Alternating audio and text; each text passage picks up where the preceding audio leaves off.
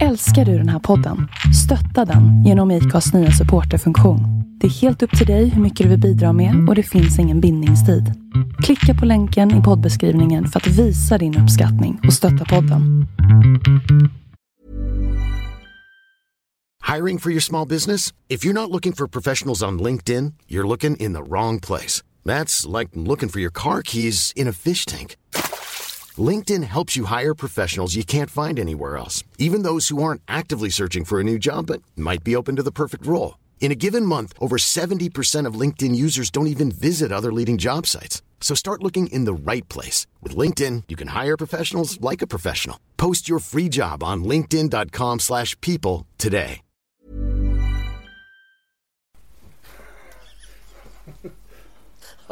Han blir lite besviken. Nej, jag, jag vet inte riktigt. Jag, Vi ska prata fem minuter med dig. Du får istället lyssna på oss i en timme. jag, jag, jag har gått och grunnat på varför jag är här. Ja, det ska du snart få reda på. Ja.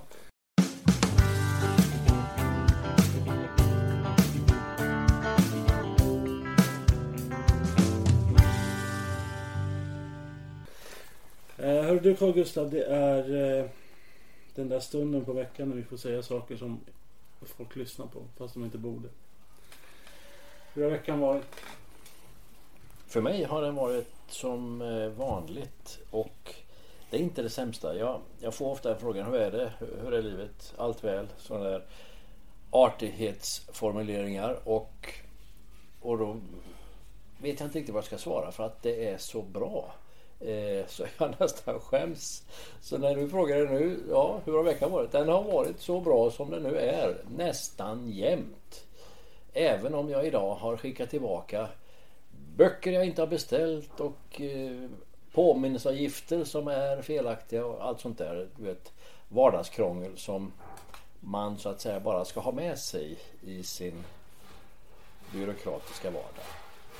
Trots detta så har veckan varit förtjusande. Hur har veckan varit själv? Ja du, att, eh, den har varit alldeles utmärkt. Men jag tänker säga att när någon mår så där bra som du gör, då vill man ju egentligen spöa dem. Ja, men jag mår ju så här bra nästan jämt. Det bör du nästan känna till nu efter två år. Ja, det är lika svårt att ta in varje gång. Du, vi träffade ju Elis Pettersson förra veckan. Ja. Fast ni sm- smålänningar säger Pettersson.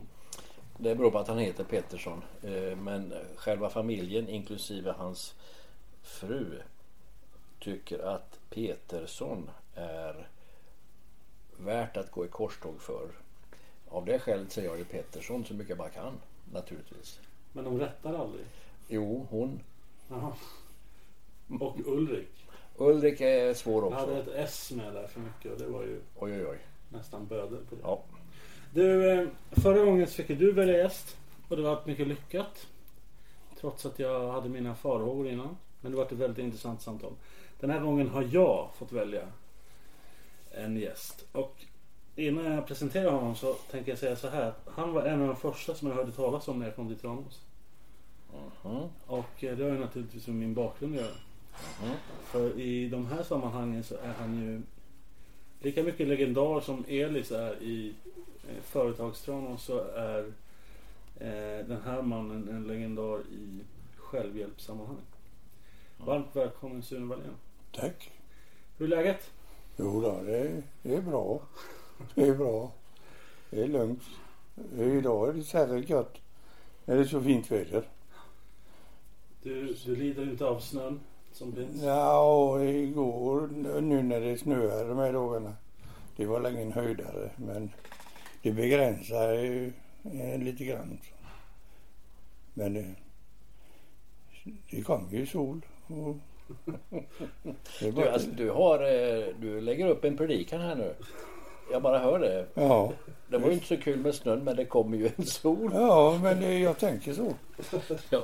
Ja. När den första snön kommer varje år så blir jag 15 år äldre till mitt sätt att röra mig eftersom jag är till stor del handikappad eh, efter att ha brutit ryggen. Det där är ju en egen historia jag inte ska gå in på. Eh, jag har ingenting emot att prata om det men det ska jag inte göra ändå. Men då blir jag, jag blir som en 70-åring lätt när jag går på snö. För då är det lätt att stå på näsan. Och få saker är så kränkande som när man ramlar mitt på stan och ligger som en fläskpannkaka med alla sina överviktskilon. Ja, så 15 år äldre vid första stund. Jag vet inte om du har samma erfarenhet? Ja, det är nog 20. jag, jag tycker det är bedrövligt också. Men det får jag acceptera det också. Jag blir ju äldre. Du, så, eh, vart växte du upp någonstans? I Göteborg, i Masthugget. Masthugget församling. Eh, det gamla det gamla hjärtat i Göteborg. Varför heter det Masthugget? De högg master för till gamla segelfartyg. Det växte mycket ek där uppe på toppen. Och så låg det nära kajen. Och så ligger det högt. Det är nästan det som en bergknalle. Det är väldigt högt. Så när jag växte upp då var det skena upp för trappor och backar. Och, upp och ner och upp och ner. Du, det finns då alltså en, en brant del där ner till det som är Masthuggstorget nu. Ja. Men nu är det massa hus, hyreshus huvudsakligen som är där och mm. affärer och diverse köpcentrum. Där fick jag mig berättat en gång när jag studerade i Göteborg. Där rullade man ner de nyligen huggna masterna nerför det där relativt höga berget ner på då motsvarande torget. Och de som höll, de kunde man använda.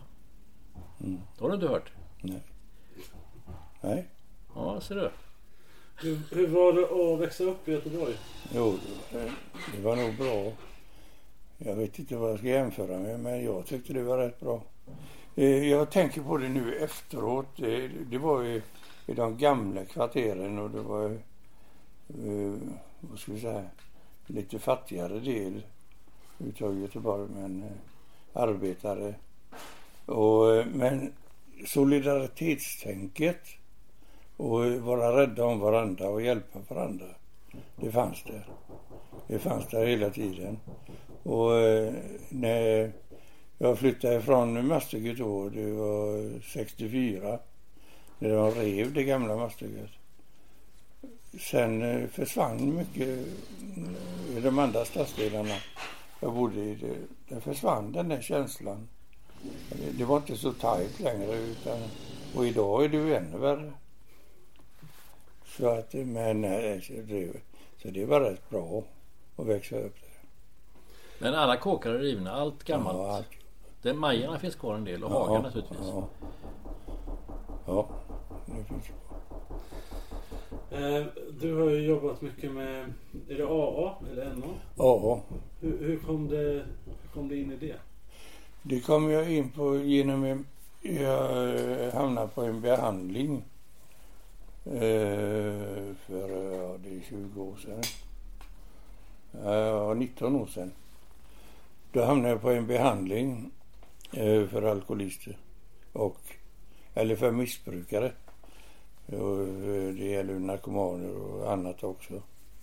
Och där kommer jag i kontakt med det, deras behandlingsmetoder var ju AS 12 steg. Och det är ju ett andligt handlingsprogram. Och det var det jag kom i kontakt med Aro.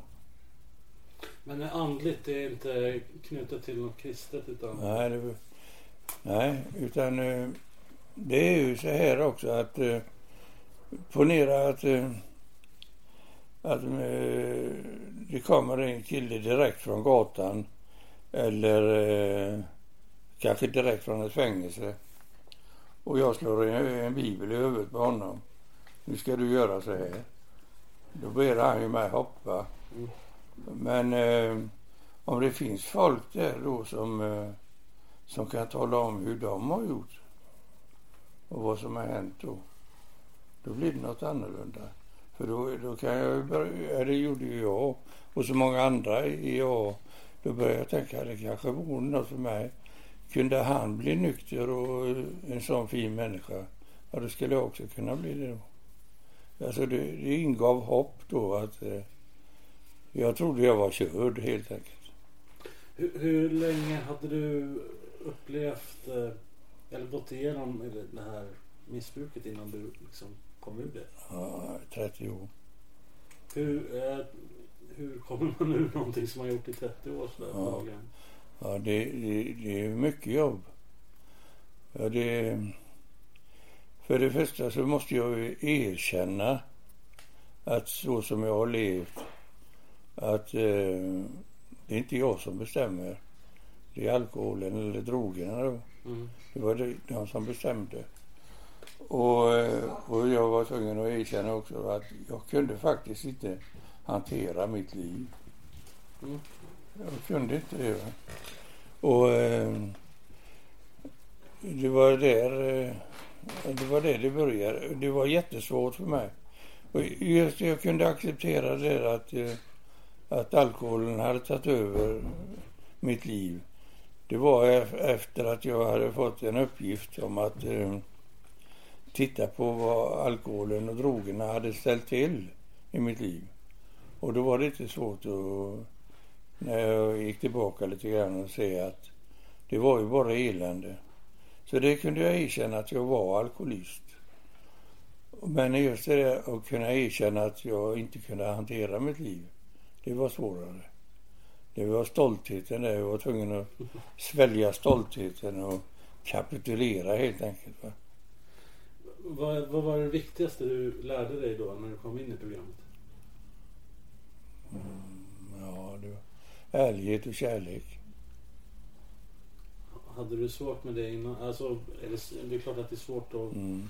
att leva med det när man har ett missbruk. Men, men jag tänker att jag tänker själv utifrån mig själv att, att eh, den, de känslorna är ganska främmande när man har levt i ett missbruk. Mm.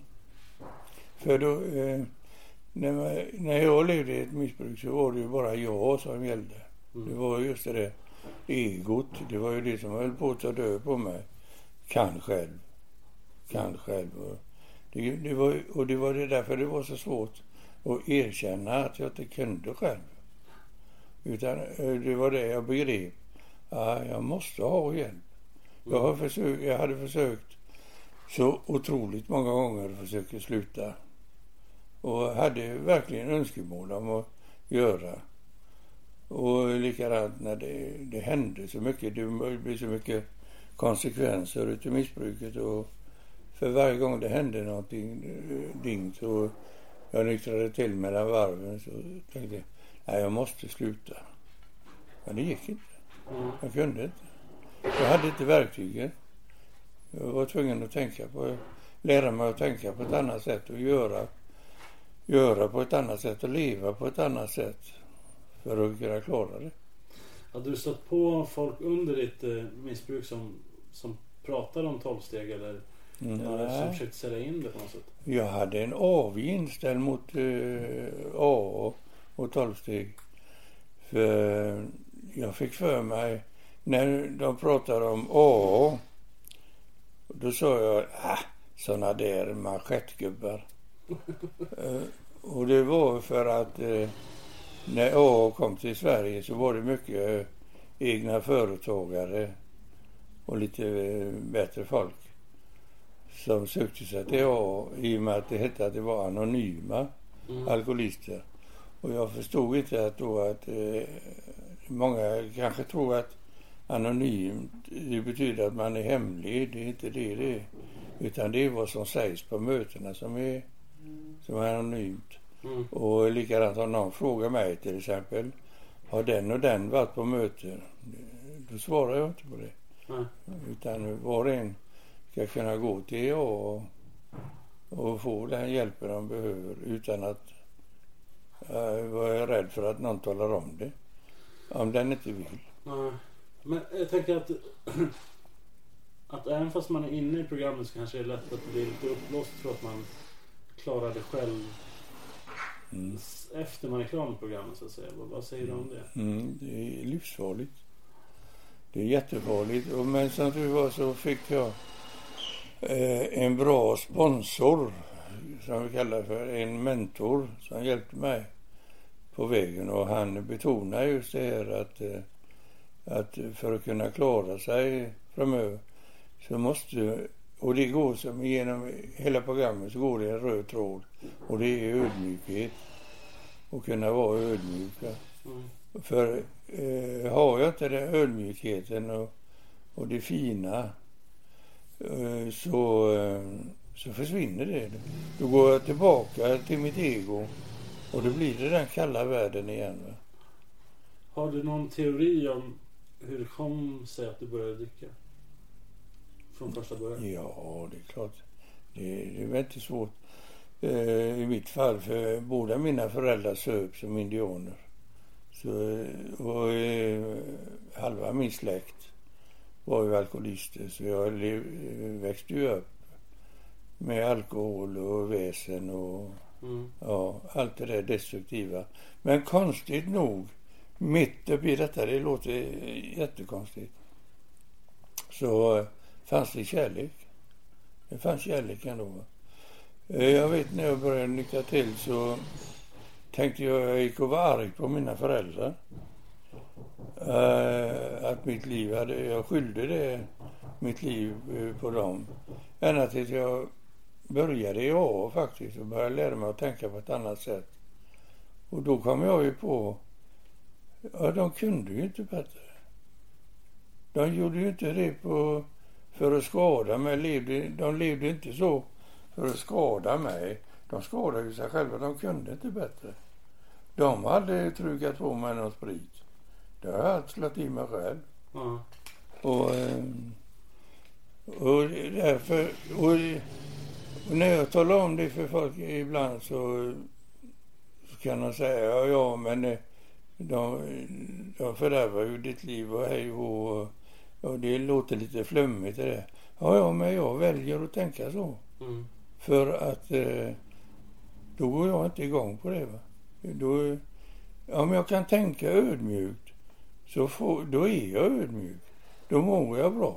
Mm. Och det är det som, eh, som jag har lärt mig då. Jag, jag, nu, låter det kanske högtflygande att jag är bra på det men jag vet grundregeln i alla fall för eh, att må bra. Det är att försöka tänka ödmjukt. Och, då tänker, och i det fallet då, jag tänker ju mjukt om dem att de kunde, de gjorde så gott de kunde. För det fanns faktiskt kärlek också. Mm. Och eh, de har inte slagit i mig något. Utan det skötte jag själv.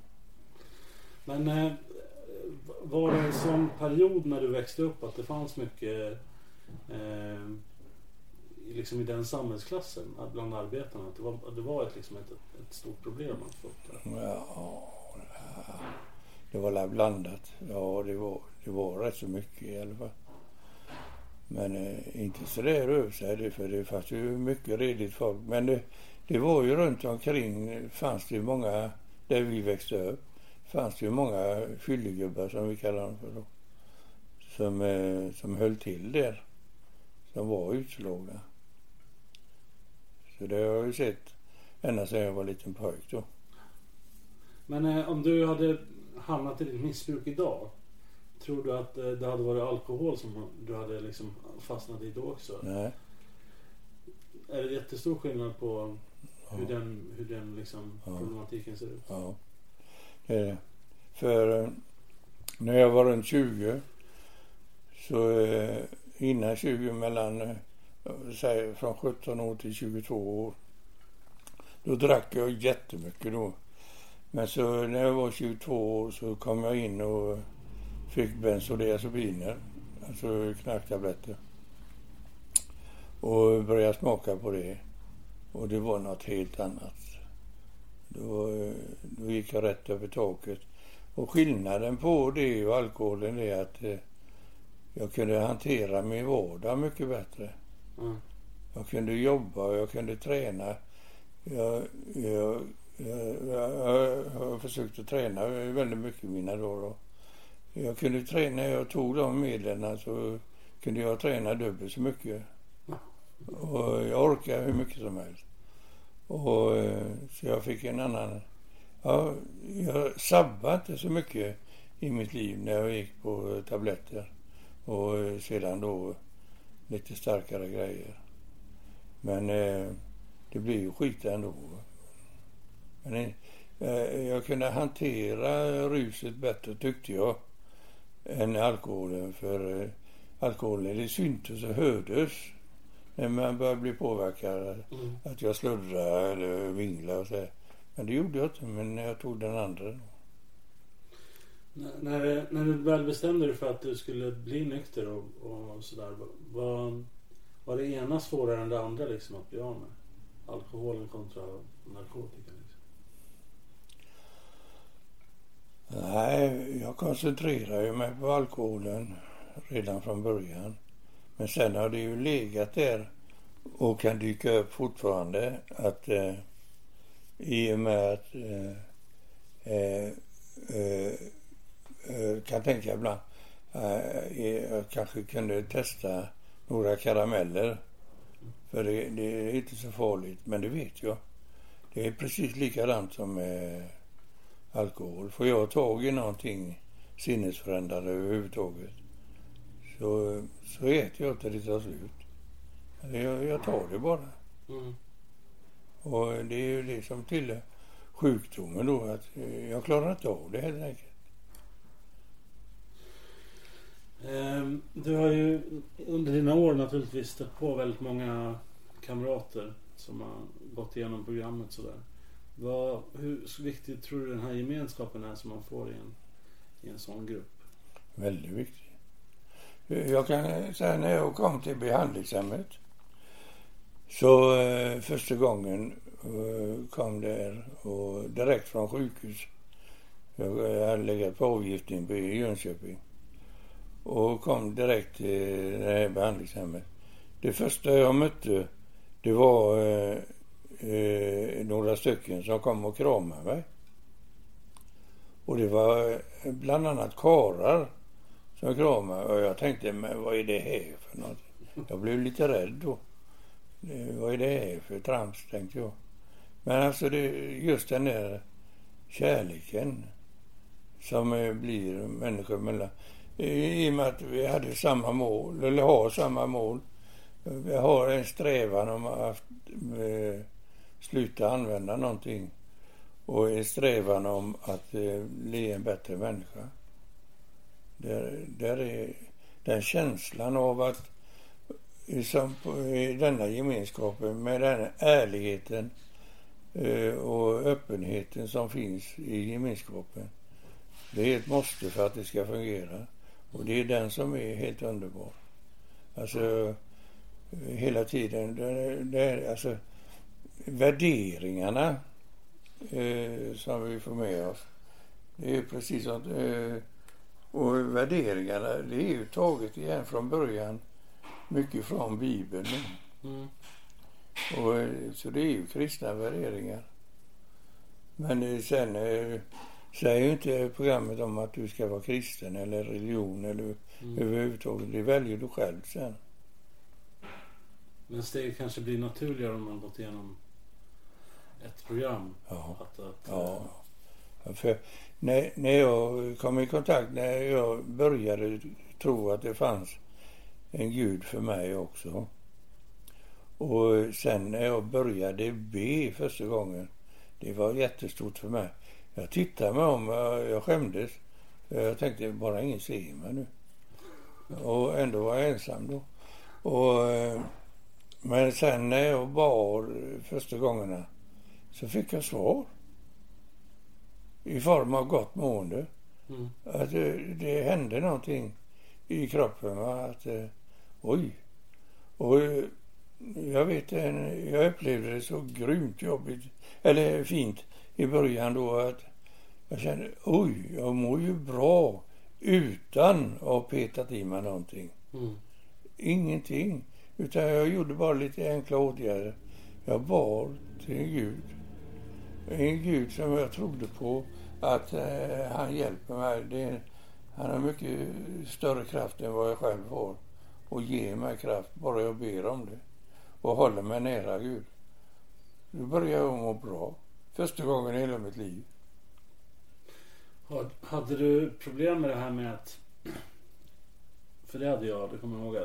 Att det här att lämna över kontrollen till ja. någonting annat. Liksom. Ja, jag förstod det inte. Jag förstod det inte. Men jag gjorde det med hjälp av min, som jag nämnde förut, min sponsor eller min mentor där. Eh, jag hade väldiga problem. Jag kom ju till tro på att det fanns en kraft och att det fanns en gud för mig. Men så hörde jag att eh, också där i början av minuten.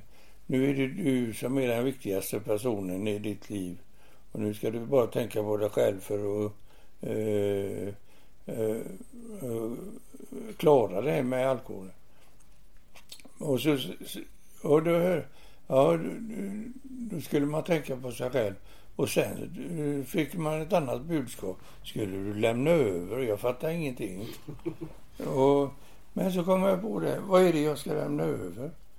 Jo, jag var tvungen att ta ett beslut att jag skulle, för enkelhetens skull så tänkte jag att jag lämnar över mig till kärlekens kraft. Jag lämnar över mig till kärleken. Att jag vill hålla mig, alltså det gällde att välja väg helt enkelt. Och då, då valde jag att, eh, att eh, välja Gud. Gud är kärlek. Mm. Då valde jag den vägen. Och på den vägen är det. Och då jag får lov att må bra. När jag bara är... Från den dagen jag lämnade över mig. Och jag tog ett beslut då att nu ska jag försöka och uh, tänka och vara så som jag egentligen vill vara. Så som Gud vill.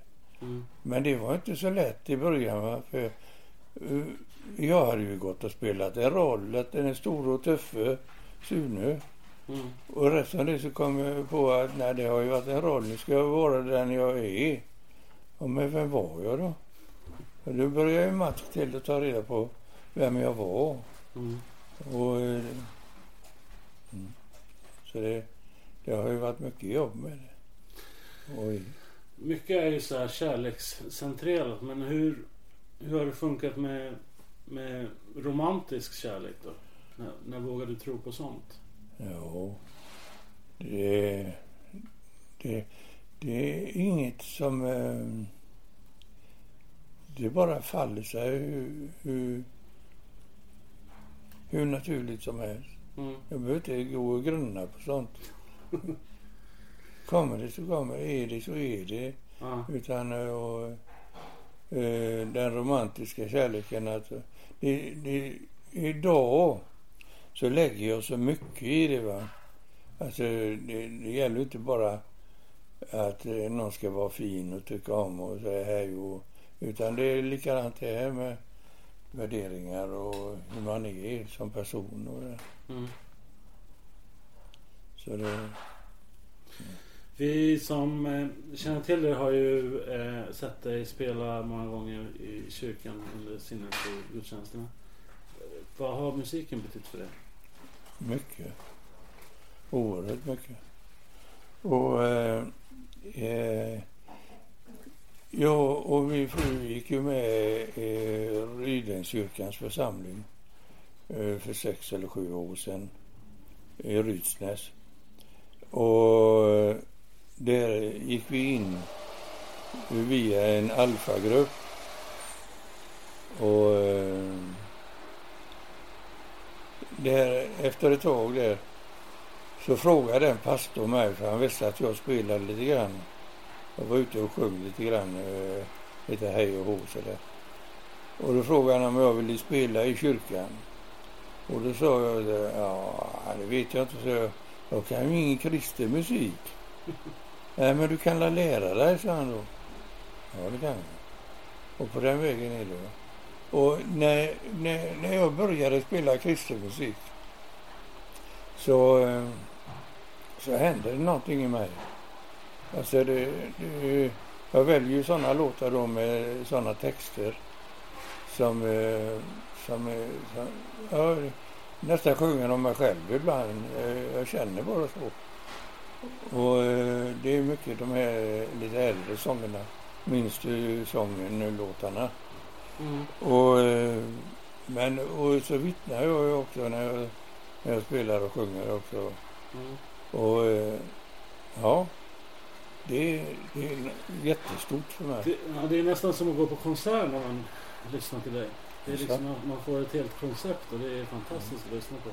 Men eh, eh, det har aldrig slagit dig att du kanske skulle göra någonting av musiken? Liksom att, att eh, ja men, eh, du, du, jag menar du är så duktig För att du Nej. skulle kunna det? Jag, eh, jag, för flera år sedan tänkte jag att eh, jag kunde göra någonting eh, större av det. Ja. Men vad då större? Vad då större? Nej, jag, jag är nöjd med den tillvaron jag har. Och sen då om människor tycker det är bra, bra så om någon människa, det är en jättestor skillnad mot förr och nu. Om en människa kommer fram till mig och säger det här gjorde du bra. Eh, och jag vet att jag har gjort hyfsat bra. Eller jag har gjort så gott jag kunnat. Förut så kunde jag säga nja, nja, nja och så skruvar man mig. Falsk blyg- blygsamhet då. Va? Idag säger jag tack Ja. och blir glad för det. Vad är det som har hänt däremellan som har... Ja, det är att jag öppnat mina sinnen och är ärlig. Det är, Det låter så enkelt. ja, det är enkelt. Vad, vad betyder Gud för dig idag? Allt. Eh, nej, inte allt. Det, väl till att ta i. Men, eh, men eh, eh, hela tiden han finns med. Även om eh, ibland jag faller in i, eh, i tvivel. Men det är inte på... Jag vet inte hur det funkar. Men, eh, det är inte på Guds existens utan eh, det är mitt sätt att närma mig Gud och vara nära Gud som kanske fallerar ibland. Att, eh, Och det är när vardagen tränger sig på så Gud inte får plats om du förstår vad jag menar. Och det stör mig. Det stör mig något oerhört. Och ibland har jag svårt att hitta tillbaka fastän jag vet hur jag ska göra. Jag har en eh, morgonritual där jag lämnar över mig på morgonen eh, vid kaffet, morgonkaffet. Så tänder jag ett par ljus och lämnar över mig till Gud och ber Gud om kraft. Och så ber jag om eh, ledsagning under dagen. Där. Och får jag gjort de här grejerna på morgonen då, då, håller, då, då funkar det. Mm. Jag får en särskild känsla. En trygghet. Jag behöver inte gå runt och vara rädd för det vet jag när jag gick i missbruket. Eh, Även om jag inte kunde tillstå det då, men så gick jag runt och var rädd. Vad som skulle hända. Och den och det och det och det och det. Alla katastroftankar och det. Mm. Och, eh, det kan ha komma nu men eh, från den dagen jag började lita på min Gud. Det, det, efter det så och börja ta itu med mina värsta rädslor. Mm. Då slipper jag gå runt och vara rädd. Om jag bara gör så gott jag kan. Men sen så är jag lat ibland så, men då får man ta igen det. Eh, Jag, jag kan känna sådär att när jag känner mig stressad och eh, inte liksom tar mig tid med Gud så, så blir hela verkligheten påverkad av det. Mm. Hur, hur hanterar du sådana bitar? Förutom det uppenbara att, att ta tiden. Liksom. När, när, du, när du märker att du hamnar i en lite ond cirkel. Liksom. Man börjar tumma på grejer. Ja, eh, ja det är ju som jag säger att, eh, Eh, att jag får se över, eh, rannsaka mig själv helt enkelt. Vad gör jag för fel? Det är ingen annan som gör fel. Det är jag. Och det, många gånger så kan det bli utifrån, alltså eh, så, en sån enkel sak bara. Genom att en annan människa kanske säger något eller gör någonting dumt mot en. Och, och då, då slår ego till. Och så kanske man tänker det var en dum en där. Och så kanske jag går då och känner ragg och harm mot den människan. Mm. Det kan fördärva en hel dag. Mm. Ja, det är just det, att ta tur med de grejerna då. Att eh, försöka se det på ett annat vis. Va? Att eh, om någon har sagt någonting dumt, så kan, återigen det där. Ja, att jag tänker, ja, han kanske har en dålig dag då. Och eh, han är ju inte värre än vad jag var när jag var eh, aktiv. Och, och kunna få, få väck de här orosmomenten. Men det, det är inte alltid så lätt. Men, men jag, jag gör allt för, för, som står i min makt. Och många sådana här små grejer om jag ska ha saker jag ska göra som ligger på mig. Mm. Om jag börjar tänka på att det tar jag sen. Och så kommer det en grej till. Så tänker jag på den. Det tar jag sen. Och så efter ett tag så har jag en farlig massa sen. Och just det där att jag... Eh, jag håller jag på så, så bygger jag ju på. Och det skapar ju dåligt mående hela tiden. Jag känner ju i magen att det här är inte bra. Och släpper jag på det då så, ja då mår jag skit. Jag väljer själv. Att- Att göra dem, försöka att göra de grejerna jag ska göra. Och på så vis försöka hålla rent då. Eh, med mitt samvete. Och det, det, och det, det kan jag tänka ibland eh, om det dåliga samvetet slår till på något som jag missat. Då eh, kan jag skojtänka så är det det. Ja, det är Gud som talar till mig. Mm. Så ska du inte göra. Va? Nej. Nej, var kommer det annars ifrån? Ja, bra fråga. Det, det finns nog bara en lösning. Mm. Eh, eh, om du tittar på det AA gör idag. Finns det någonting man kan utveckla för att bli ännu bättre och, och eh, på något sätt bli ännu bättre behandlingsmetod? Liksom? En, ja, jag vet inte, men... Eh, eh, jag tänkte på... Eh, I Göteborg för några år sedan så finns det något som heter Young Generation AA. Och yngre missbrukare. De har ju det lite tuffare när de kommer in för de har det sjuder ju till liv i deras kroppar är lite värre eh, vad det gör. Annars, eh, ja, det brukar vara från 40 år och uppåt. Va? Mm. För det kommer någonstans vid 40-årsåldern brukar det komma en kris att man eh, vill göra någonting åt det. Men de har gjort någonting i alla fall det att eh, den, eh, eh, när det kommer en, eh, en till dem, en ny till dem, så de tar hand om den direkt och, och eh, ger dem eh, den stora boken som det heter. Den eh, boken där eh, hela programmet står och sätter igång och undervisar honom med en gång. Att du tar tag i det med en gång Mm och, och så skjuter på back to basic eh, brukar vi kalla det. Alltså gå tillbaka och göra det ordentligt. För du vet att många gånger så kan man kan sitta och tänka om någon talar om eh, grejer hur man ska göra. Ja, det där lät bra. Det där lät bra. Ja, ja, men gör det då. Ja. Och det är just den skillnaden då. Att eh, bara sitta och lyssna på att det där lät bra och det där lät kast. Men gör det. Eh. Och det är just den biten. Man kan ju inte tvinga någon till att göra men eh, eh, ja, att, eh, man, att, eh, att grupperna i Sverige kanske kunde trycka på lite mer så att det blir lite mer allvar. Mm.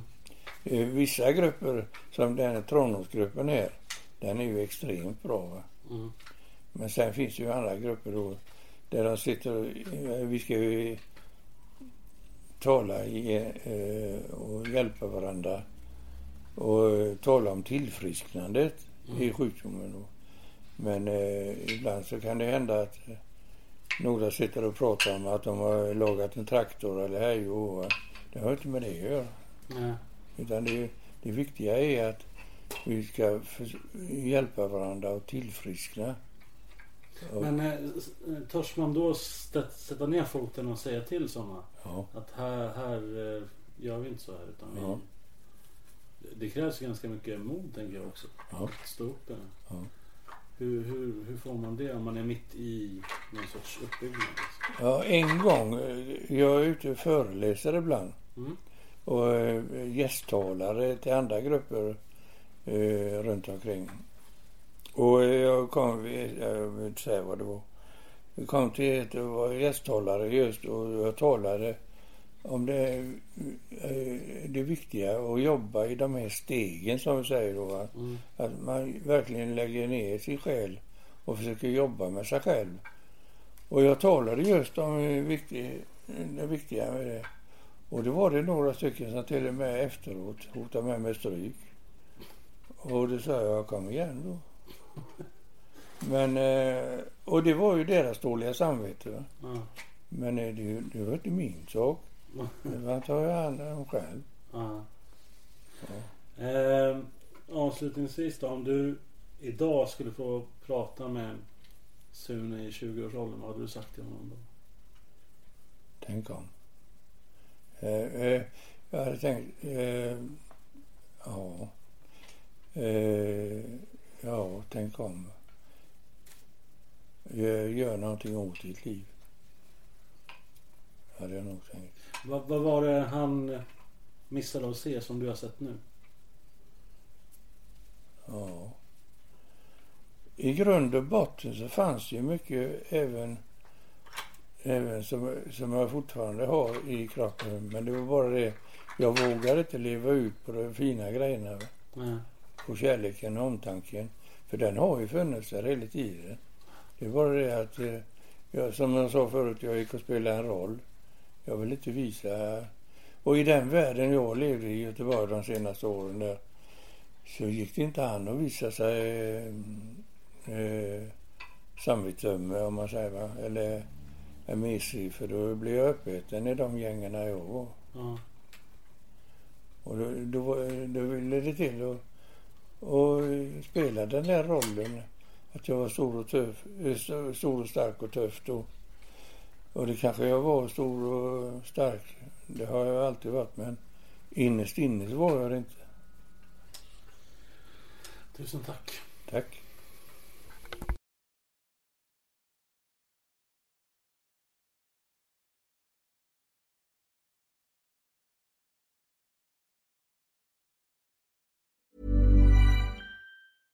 Even when we're on a budget, we still deserve nice things. Quince is a place to scoop up stunning high-end goods for 50 to 80% less than similar brands. They have buttery soft cashmere sweaters starting at $50, luxurious Italian leather bags, and so much more. Plus, Quince only works with factories that use safe, ethical, and responsible manufacturing. Get the high-end goods you'll love without the high price tag with Quince. Go to quince.com slash style for free shipping and 365-day returns.